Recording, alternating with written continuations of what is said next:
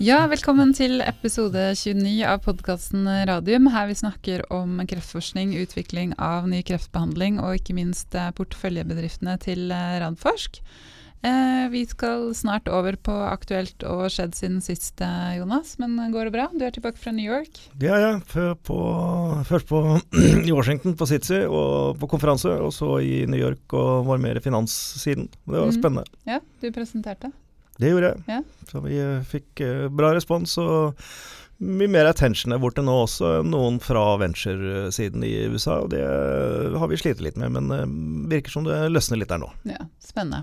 Det her var jo regi av DNB Healthcare, og vi skal jo få besøk av noen av de om et par uker. Ja. Så kan vi høre litt mer om, om hva de holder på med.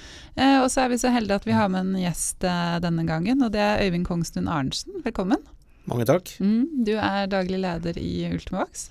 Ja, det Ja. er jeg. Ja, så vi skal høre litt mer om det.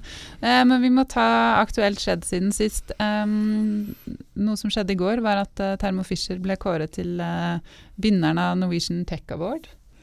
Det er vel den andre prisen jeg har fått på veldig kort tid nå. Ja. Jeg tror de fikk innovasjonsprisen til Forskningsrådet for bare noen måneder siden. Ja, det er jo kjempebra. Så de er jo virkelig on a roll når det kommer til norske priser. Ja, Om det betyr så mye for dem, det er viktig med den anerkjennelsen. Det er veldig viktig for Thermo Fisher i Norge å få Ja. anerkjennelse i Det Norge. det. Det er, Ja. det er det absolutt. Og det er jo da basert på den norske teknologien, så det, det er viktig. Jo, men det som er litt kult nå, hvis jeg har skjønt dette riktig, er jo at de har gjort, gjort en innovasjon med Uglestad-kulene. Ja, sånn at de på en måte er mye mer relevante, og det er det de får prisene for. det er det de Ja. har, har gjort med det. og Vi får, vi får heller snakke med Ole eller Geir om Ja. hva de har gjort, for De at er eh, vi skal gå inn i Nei, den er komplisert. Um, og så Forrige uke så kom Forskningsrådet med en tildeling til uh, legemiddelproduksjon. Og det gikk jo bra for våre. Ja, det gjorde det. Det er jo kjempespennende, og, og det er jo innenfor Radio radiofarmaka. Mm. Uh, og der har vi jo allerede da eh, i fabrikken på Kjeller, som Bayer eier i dag, men som Algeta bygde opp. Mm. Nordic Nanovektor eh, er jo, jobber jo masse nå med hvordan de skal produsere. Og det siste skudd på stammen, Onkoinvent, der har vi jo åpning av de nye produksjonslokalene nå i eh, midten av desember. Mm. Så det er kjempespennende. Ja, for det her var jo en tildeling hvor de ga ut 41 millioner og til tre prosjekter, hvorav da Nordic er med på ett, Oncoinvent er med på ett, og det siste var et Medtech-prosjekt, Ja. hvis jeg husker riktig. Ja, jeg tror det er riktig. Ja, Så det var jo litt sånn store slem, Ja, det er jo kjempebra at vi eh, og det- viktig, viktig satsing på produksjonsbiten. Man får det i Norge. Absolutt. Um, jeg vet ikke, Skal du si noe mer fra, fra Washington og New York? Er det noen take Nei, home messages? Ja, eh, vi, jeg tror vi skal snakke en del om det med Øyvind eh, etterpå. Fordi Mm. det var jo nettopp uh, Ja, for du var også immunterapi der. Ja, Øyvind var Ja, også der. jeg var der. Ja. Både i Washington og New York? Og i New York. Begge Ja. steder. Mm. Så det var jo mye kombinasjonsterapi og, og innenfor immunterapi, og dette med vaksiner og neantigener og sånn, og det kan vi komme litt, eh, litt Ja. mer tilbake til. Ja, men det kan vi gjøre. Uh, skal vi ta spørsmål fra lytterne med en gang, eller? Det kan vi godt gjøre. Ja. For det spørsmålet er da fått inn et spørsmål. Eh, lurer på om dere kan forklare litt eh, nærmere hva strålebehandling og cellegift går ut på, og hvor treffsikre de er. Disse brukes gjerne i kombinasjon med nye behandlinger, så beskriv det gjerne litt i den sammenhengen. Uh, og så har jeg lest at utviklingen av kreftvaksiner har en litt dårlig historie. I hvert fall når det gjelder suksess på børsen til selskapen som har drevet, eller suksess på børs til selskapene som har drevet med dette. Er det riktig? Vi kan kanskje begynne med det første først? Ja, det kan vi, det kan vi gjøre. Eh, ta, ta det veldig, veldig enkelt, da skal Øyvind eh, fylle inn her. Men altså mm, strålebehandling eh, og cellegift, det var jo de to behandlingsformene for kreft som kom etter at vi bare hadde hatt kirurgi fra steinalder og, og fram til egentlig 1903. Når Madame Curie beskriver radium, så var jo det starten på stråling. Mm. Uh, og cellegiften ble nærmest oppdaga litt mer sånn ved tilfeldighet pga. at de under første verdenskrig, når de brukte sennepsgass, så ble jo disse soldatene enten døde eller ble jo forferdelig syke. Mm. Og det de først og fremst gikk utover, var celler som delte seg raskt som eh, blodceller. Og det var da de tenkte at man kanskje kunne bruke det også til å drepe kreftceller, siden de kjennetegnes jo ved det. Mm. Eh, og det var jo framgang at man fikk nye måter å behandle kreft på, men det har jo alltid hatt sin begrensning, spesielt fra begynnelsen. Det har vært veldig strålingen var veldig tøff, og mm. cellegiften var tøff. Og det var sånn om å gjøre å drepe kreften uten å drepe pasienten helt. Så, og vi, vi gir jo fingrene og håper, liksom? Ja, til å begynne med var det litt det. Nå mm. er det jo, altså Strålingsterapien har jo utvikla seg enormt og blitt jo mer og mer treffsikker mm. på svulsten der hvor du stråler. Og vi får jo nå forhåpentligvis da vårt første protonsenter her i Norge og her ved siden av oss i løpet av, av noen år. Mm. Og så har jo cellegiften eh, utvikla seg til å bli mer målretta, Øyvind, men aldri persontilpasset. Den, er, den går vel mer på hvilket organ du har kreften i. Ja, det er altså cellegift. Eh, si, gammel cellegift. Eh, det ligger jo i ordet hva det er. Mm. Det er gift som dreper celler. Mm. Og kroppen det er ikke bare, Når du har kreft, så er det ikke bare kreftsvulsten som består av celler. Hele kroppen består av celler. Mm. Så prinsippet for cellegift er at eh, det er gift som dreper kreftceller litt mer effektivt mm. enn de normale cellene i kroppen. Så det er egentlig så er det et spørsmål om dosering. Mm. Mm. Og det, vi har et begrep da, når du utviklet cellegift. Det første du måtte finne når du skulle lage medisin av det, det var det som het MTD. Og det er maximum tolerated dose. Altså mm. hvor mye tåler pasienten av dette før det går i så stor, eh, så stor grad utover kroppens normale celler at det blir mm. ubrukelig. Så det er, det er, et doseringsspørsmål, egentlig. Og så går det jo på sånn som Jonas sa, at uh, kreftceller deler seg raskt. Sånn at man har da innrettet en eh, cellegift mot celler som deler seg raskt. Mm. Og da går de normale cellene i kroppen som også deler seg raskt, med i dragsuget. Og da får du de typiske bivirkningene, sånn som håravfall. Cellene mm. i hårsekkene mm. de deler seg fort, og derfor så detter håret av fordi cellene blir drept av mm. cellegift. Mm. Og så får du kvalme oppkast fordi cellene i slimhinnen i tarm de deler seg også fort, og cellegiften tar dem også. Mens de nye som har kommet, som man uh, kaller for mer, som er mye mer målrettet, de, der har man identifisert et eller annet på overflaten til uh, kreftcellene uh, som man spesifikt går mot dem. Mm. Og de er veldig effektive. Mange av dem har veldig mye færre bivirkninger enn gammel cellegift. Problemet der er det vi kaller for resistens. Og det fins Blant de milliardene av cellene som finnes i en kreftsvulst, er det alltid noen som ikke har den målet eller den, på, på, overflaten av cellene. og mm. Når da alle som har målet blir drept, så vil kreftsvulsten etter hvert bestå av bare de som ikke har det, og da virker ikke behandlingen lenger, og så må du prøve en ny behandling. Ja. Mm. Og Det er sånn man kaller for førstelinje er det første man prøver, andrelinje er det andre man prøver, osv. Ja. Og det kommer i, i, igjen, og det er derfor vi alltid så disse kurvene tidligere som ga liksom en medium survival på gevinst på tre-fire-fem måneder. Sånn at de virka litt bedre, og virka en liten stund etter at det forrige hadde slutta å virke. Og til det siste spørsmålet, eller det spørsmålet om eh, kombinasjonsterapi med immunterapi. Ja, eh, det gjøres. Eh, først og fremst fordi at når vi kjører på med immunterapi, så får vi lov til å bruke den når alle andre behandlingsformer er brukt opp. Mm. Uh, og det vi håper og ønsker og tror, er jo at immunterapien skal flytte seg fra sistelinjebehandling og så nærme førstelinjebehandling som mulig, for at vi skal slippe å ha disse rundene med, med cellegift i, i, så store uh, doser. Men det blir en kombinasjon av dette på en eller annen, uh, en eller annen måte. Mm. Jeg Skyte inn en ting der også. Det, det, er akkurat sånn som Jonas sier, men det er et moment til i det som er veldig viktig. og det er at hvis du manipulerer immunsystemet til å angripe kreftceller, så er det mye lettere for immunsystemet å spise unna noen få små svulster enn å gå løs på digre svulster som mm. har eh, tålt alt av tidligere behandling. Ja. Så sjansen for å lykkes med immunterapi er større jo tidligere du, du kommer til. Mm. Og vi begynner jo nå også å tenke tanken kanskje forebyggende. Ja. Mm. At man kan manipulere immunsystemet sånn at det er i stand til å gjenkjenne og ta knekken på kreftceller hvis de skulle oppstå. Mm. Så er det én måte til å bruke cytostatika på som man jobber med, og det er med leveringsteknologier. Altså at mm. vi kan gi mye mindre doser, og at det virker helst da bare på kreftcellene og ikke på andre. Og PCI Biotech eh, hos oss er jo et eh, strålende, lysende eksempel på det. De bruker lys. ja.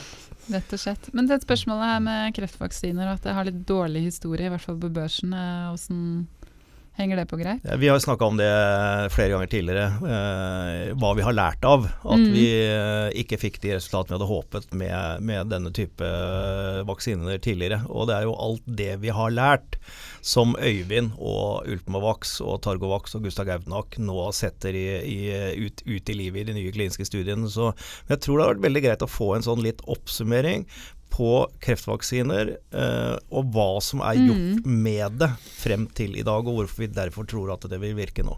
Ja, altså Mye av det er veldig teknisk. Jeg skal prøve å, mm å forklare det på en, eh, på en uh, grei måte. Ja. Mm. Um, de første kreftvaksinene som ble eller For det første da, så, så er det et rent forhold rundt uh, kreftvaksiner som prinsipp som man må være klar over. Uh, det vi vet, det er at når vi bruker vaksinene våre, så klarer vi å få kroppen til å begynne å produsere immunceller som er fullt i stand til å kjenne igjen og drepe kreftceller. Men likevel så har ikke pasientene fått noe særlig glede av det.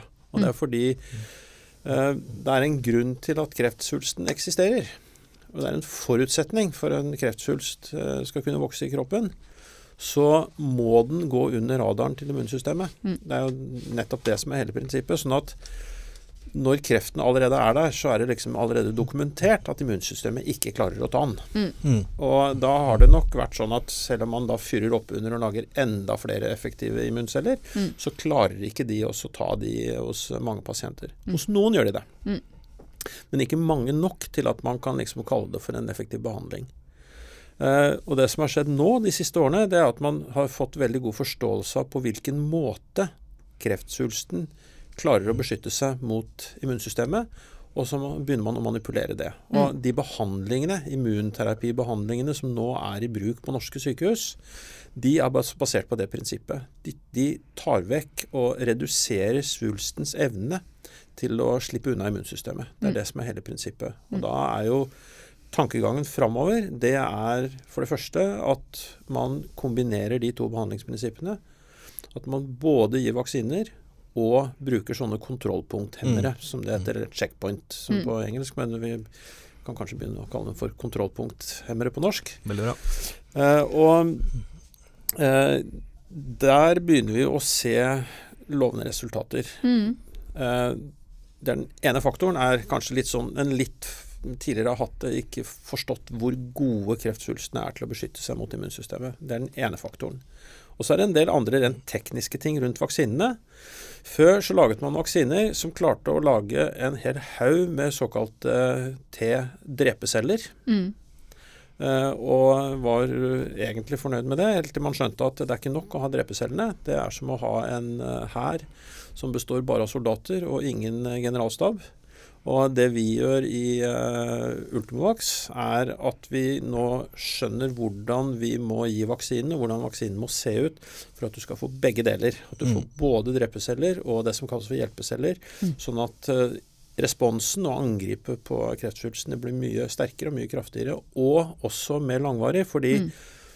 uh, alle vet at hvis du er vaksinert, så skjer det en relativt permanent endring i immunsystemet. Det varer i mange, mange, mange, mange år.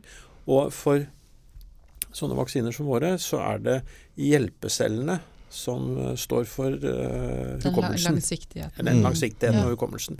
Så det er det vi, det vi, holder på med nå. Og vår vaksine som vi nå tester ut, den er av en sånn type at den klarer å få både hjelpeceller og, og drepeceller. De tidligere vaksinene som mislyktes, de gjorde ikke det. Nei, nettopp. Og så er det vel også viktig hvilket mål du har. Det var liksom litt sånn takeaway for meg fra Washington. Det var denne diskusjonen rundt er det viktigst å skyte med hagle og skyte på mest mulig av disse forandringene på celleoverflaten til kreftcellene, eller er det minst like, om ikke viktigere, at du skyter helt målretta på en ting ved en kreftcelle som gjør den kreftcellen til en kreftcelle. Mm. Og det er diskusjonen rundt neoantigener. Ja, det er, det er, altså Prinsippet er egentlig det at man Det er, det er liksom to måter å se dette på. Uh, um, all kreft skyldes mutasjoner i celler.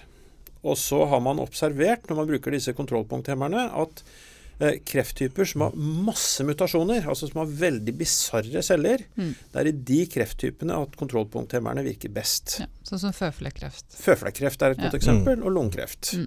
Særlig hvis du har røyka. Mm. Uh, og grunnen til det, det er at de kreftcellene der de er så snåle og bisarre at kroppen klarer å produsere selv mm. masse gode immunceller. Og når man da kommer til med kontrollpunkthemmerne, så får pasienten en god klinisk effekt av det. Men fortsatt så er det kanskje bare en 30 eh, av dem, av pasientene, som klarer å få en sånn spontan immunrespons mot kreften sin. De som ikke gjør det, de vil da trenge hjelp av en vaksine. Mm. Som kan mm. gi den immunresponsen som pasienten ikke klarte å lage sjøl. Og eh, det er noen da som liksom har satset på å lage vaksiner mot krefttyper hvor det er masse mutasjoner. Og sånn som eh, Jonas brukte begrepet neoantigener. Neo betyr ny, mm. og antigener er det som fins på overflaten av kreftcellene som immunsystemet kan kjenne igjen. Så masse nye sånne rare ting på overflaten av kreftcellene. Mm. Ultimovax går egentlig helt andre veien. Eh, vi mener at for de krefttypene som ikke har så bisarre celler, og hvor kroppen selv ikke klarer å lage noe særlig form for relevant immunrespons. Det er de som trenger, som trenger, eh, som, som trenger vaksiner. Mm.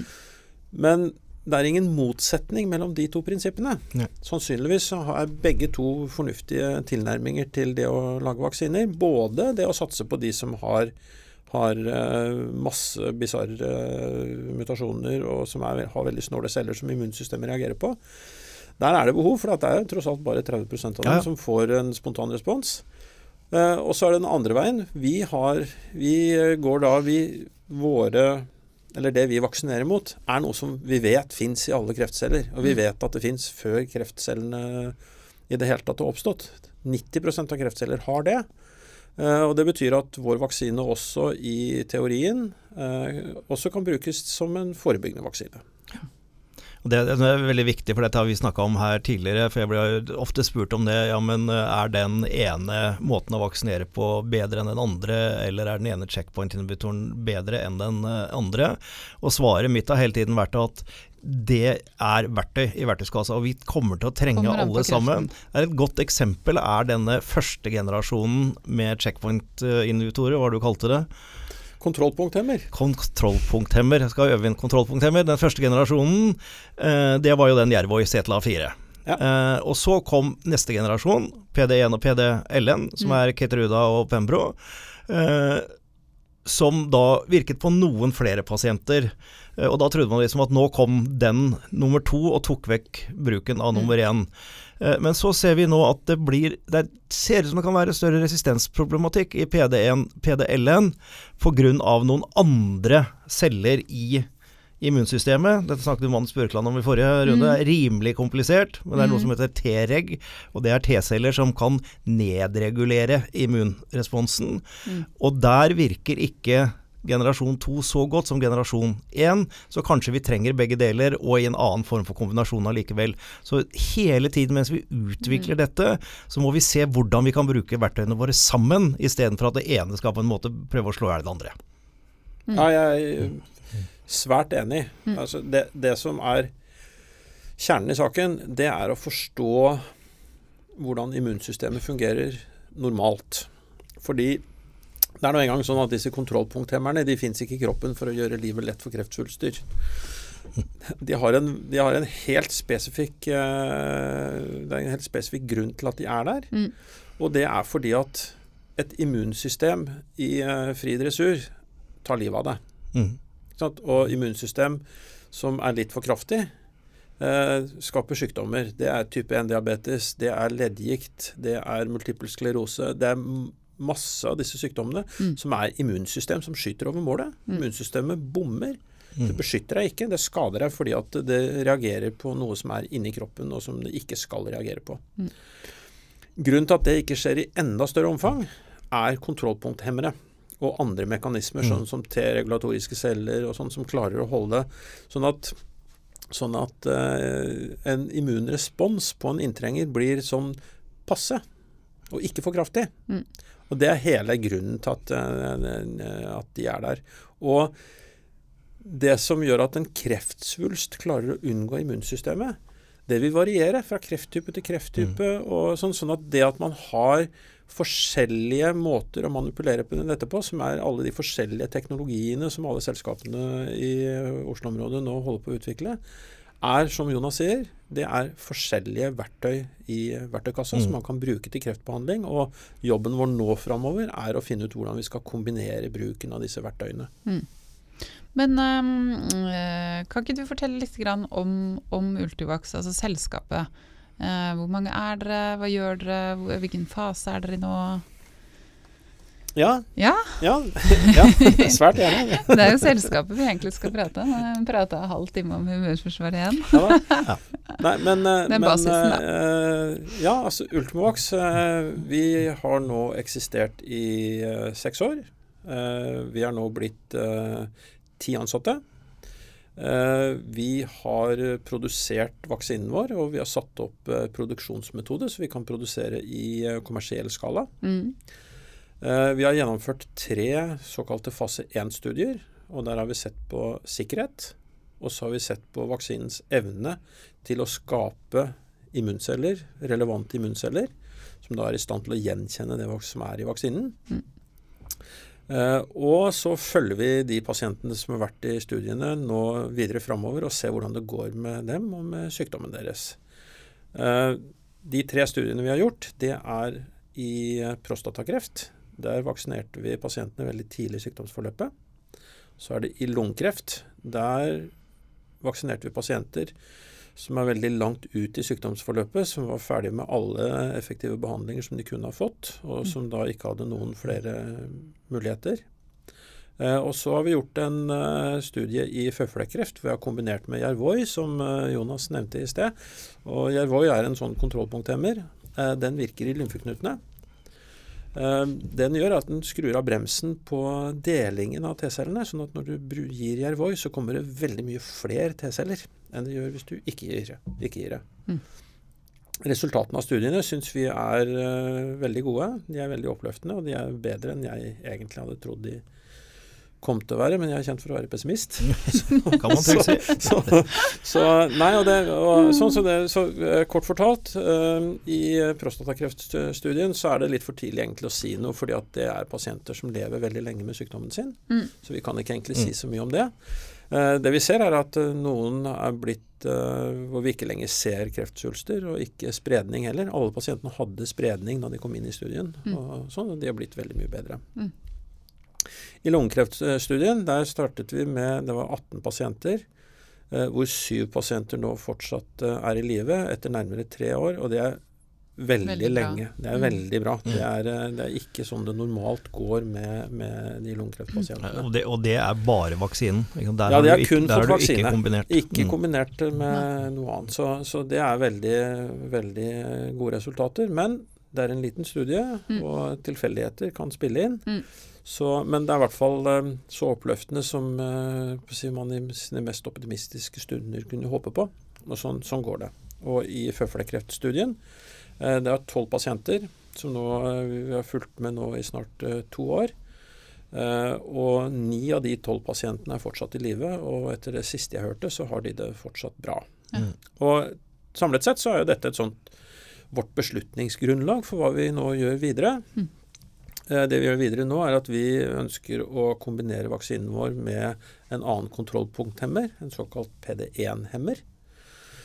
Eh, og vi, før vi kan gjøre en stor studie på det, så må vi undersøke om det er trygt å bruke, den kombinasjonen er trygg å bruke. Og den studien starter vi opp nå, og den starter vi i eh, USA. Mm.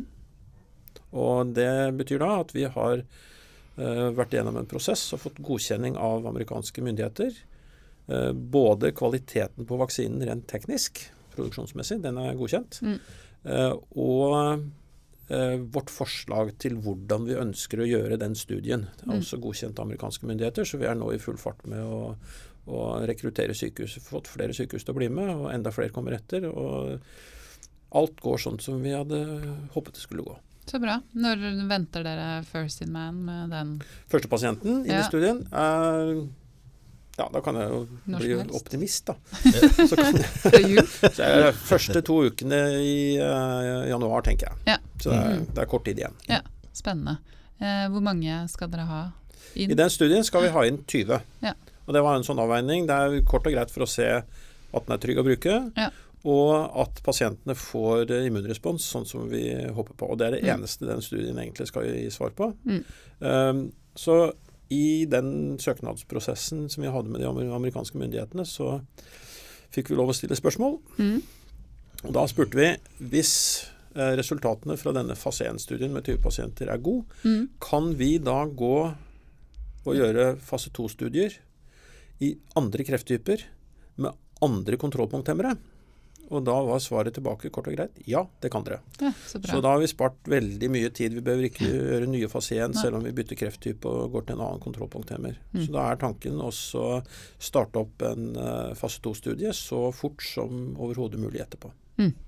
Hvor lang tid tenker du da på disse første 20 pasientene? Nei, det tar uh, Hvor lang tid tar det i forhold til oppfølging? altså, oppfølging? Spørsmålet er egentlig når, når har vi fått data nok Ja. til å overbevise FDA om at det er trygt å gå i fase 2? Mm. Eh, Ca. et år, tenker jeg. Mm. Kan plutselig gå veldig fort. Ja da, Ja. Det, det kan det. Mhm, Spennende. Eh, og dere hadde jo akkurat en emisjon Ja. nå i oktober. Dere hentet inn 125 millioner, Ja. Ja. Mhm. og det gikk som vanlig greit. Det gikk greit. Det gjorde det. Dere har jo med dere en, en hva skal man kalle for noe, en, en ganske kapitaltung eierstruktur. Ja, de, Ja. altså de, jeg sier at de, de har jo en, en, en veldig god kombinasjon. Mhm. Eh, de eh, disponerer mye penger. Eh, og de har etter hvert opparbeidet en eh, genuin interesse for det vi holder på med. Mm. Så eh, jeg tror de ser på de pengene som de, de bidrar med til oss, som mer enn en helt uh, ordinær uh, investering. Jeg tror ja. dette er noe de gjør også ut fra interesse. De syns de er veldig interessert i fagområdet og Mm. stiller mye gode faglige spørsmål og er veldig interessert i å høre om hva vi driver med og prøve å forstå teknologien og, og sånn. Så det er en veldig, veldig Veldig ålreit uh, investorgjeng å, å ha med seg. Jeg Mm. setter stor pris på dem. Så bra. Og i forbindelse med emisjonen så sendte dere ut en pressemelding også. Eh, og der skrev dere at dere vurderer å gå på børs. Ja. Ja. Det er riktig. Altså det vi, Det det vi egentlig driver og vurderer, det er Ja. hvordan vi skal skaffe pengene til å gjøre fase to. Ja, ikke sant. Og der er det, For det krever på, mye penger. ja, der er det å gå på børs det er ett av flere alternativer. Mm. Men uh, det går ikke an å så- så finne ut at det er lurt å gå på børs, og så gjøre det dagen etter. Nei. Så det vi gjør da, det er at for å ha den muligheten åpen når vi skal hente disse pengene, så gjør vi forberedelsene nå. Mm. Sånn at vi er klar til å gå på børs hvis vi bestemmer oss for at det er det vi ønsker, og det vi har behov for. Ja, så vi ikke mister noe tid. Ja, Så vi ikke mister, Ja. noe, ikke mister noe tid. Så bra. Eh, og så eh, ble du intervjua i Finansavisen i forbindelse med dette, og da sier du at muligens så kan dere være mål med en kreftvaksine i slutten av 2021. Ja. ja. Det er veldig kjapt. Det er det. Mm, Det så bra. det. bra. Men eh, vi har jo samlet en god del data, og vi vet Mm. veldig mye om vaksinen. Og så er det også i en sånn eh, godkjenningsprosess for å få en markedsføringstillatelse, Mm. så er jo dette med vurdering av eh, den rent sånn tekniske kvaliteten på vaksinen er en ganske tung prosess som Mm. man bruker veldig mye tid på. Mm. Og der har jo vi har allerede gjort størstedelen av det. Det vil nok komme nye vurderinger og, sånn. Og vi skal jo produsere flere batcher som også skal dokumenteres og vurderes. Men Mm. størstedelen av den prosessen har vi allerede lagt bak oss. Sånn at vi tror at godkjenningen vil skje raskere enn eh, hvis vi ikke hadde vært igjennom eh, prosessen allerede nå. Det er det Mm. ene. Og det andre det er at vi forventer og tror at hvis vi begynner å vise gode resultater fra en eh, randomisert, kontrollert eh, fase 2-studie, så vil vi med ganske stor grad av sikkerhet eh, komme inn under disse prosessene som gjør at godkjenningsprosessene går mye raskere, særlig i FDA. Men Ja. nå skal vi begynne diskusjoner med EMA også, Ja. og, og hente vitenskapelige råd derfra. Og Spennende tid foran dere, da. Ja, ja, det er kjempespennende. Mm. Mm. Men produksjon, hvor gjør dere det hen? Gjør dere det i Norge, eller? Nei. Nei. Nei vi, det er eh, to trinn i produksjonen. Det ene Mm. det er også å syntetisere eh, peptidene, altså skjøte aminosyrene i riktig rekkefølge og gjøre det rent og ordentlig. Det skjer i Sveits. Mm. Og så blir det puttet på glass og frysetørket i uh, Italia. Mm. Det er samme selskapet, men de har, Ja. de har to, to fasiliteter. Skjønner. Hm. Ja, Einarsson. Hva Ja. tenker du? Nei, jeg tenker at dette er, eh, er veldig spennende. Mm. Eh, Jeg syns det er hyggelig å høre Kongstun Arnesen her er i ferd med å bli sånn halvoptimist, i hvert fall. Det, det syns jeg er svært lovende. Så det er, eh, det er veldig bra. Ja, ja. Nei da, jeg, det, er, det er som, som Øyvind sier, de, det, er, det er gode, det er veldig spennende resultater. Det er resultater som i hvert fall i mine øyne er i ferd med å, å bekrefte at eh, de grepene som er tatt med, med disse vaksinene nå, Eh, og det er flere ting her, mer tekniske ting også som Øyvind Mm. eh, ikke, ikke kom inn på nå, men, men som også skal tilsi at vi, at vi gjør det riktige. Så, så jeg syns det peker i, i en veldig spennende og riktig retning. Jeg bare få lov å legge til én ting da, som også er kjempespennende i mitt hode, og som kan bli veldig veldig spennende framover. Og det er at vi nå begynner å se på ny teknologi som kan kombineres med vår vaksine. Mm. Og noe av hensikten med å gjøre det er at vi har et eh, ganske hårete mål om å kanskje starte utprøving av verdens første forebyggende kreftvaksine. Mm. Det, det finnes jo man kaller det forebyggende kreftvaksine nå også. Det er Mm. det for HPV Ja. og sånn. Men det de eh, vaksinene har til felles, det er at de er mot eh, virusinfeksjoner Ja. som gir kreft. Mm. Så det er vaksiner mot virusinfeksjonen Mm. som gir kreft, og ikke direkte mot kreften i seg selv. Men Nei. det er jo det vi begynner nå å, å tenke helt eh, seriøse tanker om, er å starte å utvikle peptidene våre til å også være en forebyggende kreftvaksine. Vil det si at uh, Gustav Gernak får nobelprisen? Ja, Det må du nesten spørre komiteen som eh, avgjør det om. Men eh, hvis du kan spørre meg om vi har syntes han hadde fortjent det Ja. Altså Hvis vi lykkes med å lage en sånn vaksine, ja, Ja. så bør han i hvert fall være kandidat. ja. Ja. Det er jeg enig i. Nei, jeg merker jeg får gåsehud eh, når du sier det. Men hva, hva er tidsperspektivet på det? Nei, Nå skal jeg være litt forsiktig, for vi, har, vi, skal bli Nei, vi, sitter, vi sitter nå og arbeider med å lage en preklinisk utviklingsplan. Mm. Dvs. Si at vi driver og finner ut, for det første, om dette lar seg gjøre å produsere i stor skala. Eh, hva som kreves for å gjøre det. Og så må vi ha en diskusjon med myndighetene om hva må vi gjøre av dyreforsøk og sånn før vi kan teste dette ut i, eh, i Mennesker. mennesker. Mm. Men hvis vi kommer dit at vi klarer å gjennomføre en sånn preklinisk utviklingsplan, så er det å gjøre en første studie eh, egentlig ganske fort gjort. fordi at i og med at det er en forebyggende vaksine, eh, så må den testes ut i fase 1 hos personer som ikke har kreft. Mm. Dvs. Si Friske. frivillige. Mm. frivillige. Ja. Det er veldig mye raskere og enklere Mm. enn eh, hos eh, kreftpasienter. Og når vi da har skaffet tilstrekkelig dokumentasjon på at den er trygg, og at den gir de immuncellene, immunresponsene i kroppen som, vi, eh, som, som den skal, Mm. så kan vi jo gå direkte i en uh, stor uh, Mm. effektstudie. Mm. Men den er komplisert, Ja. og den er stor. Dette, dette har fordi- du vært med på før, så dette Dette vet har du alt om. Ja. Ja, Du har gjort det før? Ja, ikke for kreft, men jeg, har vært med på, vært med på, jeg var med på å utvikle den norske meningokokk B-vaksinen Ja, på slutten av 80-tallet. Ja, ja, Og utprøvingen der. Mm. Stemmer det. Den har vel jeg fått. Um, ja, fordi hvordan, uh, hvordan skal man vite da om vaksinen er forebyggende eller ikke? Hva gjør man da? Nei, nå skal jeg ikke Altså, jeg, jeg, jeg er veldig enkelt. Altså, det blir en studie som kan bli veldig enkle å gjennomføre. Nei, for det første så må du det, det, dette, ja, dette her er eh, Vaksine er jo da tenkt eh, som en vaksine til personer som man vet har svært høy risiko for å utvikle kreft. Ja. Det er med, med Genetisk. genetisk Ja. eh, disponert og uh, sånn. Mm. Men uh, hvis jeg litt enkelt sagt, da, så vil jo endepunktet i den studien være Bare veldig enkelt. lever. Endepunktet er å ikke dukke opp i Kreftregisteret. Mm. Mm. Og da kan du, har jeg sagt litt om hvordan vi har tenkt å følge dette opp også. Ja, mm, spennende. Eh, har du sånn hjertesukk i dag, eller er du happy? Jeg er stort sett eh, happy, jeg. Uh, men jeg fikk et hjertesukk fra en, en uh, med, med, medieinvestor her Ja. for en stund siden, som har lagt mye av sine egne penger inn, både vært med som gründer og vært med som tidlig faseinvestor. Mm. Og hans hjertesukk tar jeg gjerne med meg videre, og det går på formuesskatten av eierandeler i selskaper som ikke tjener penger. Ja.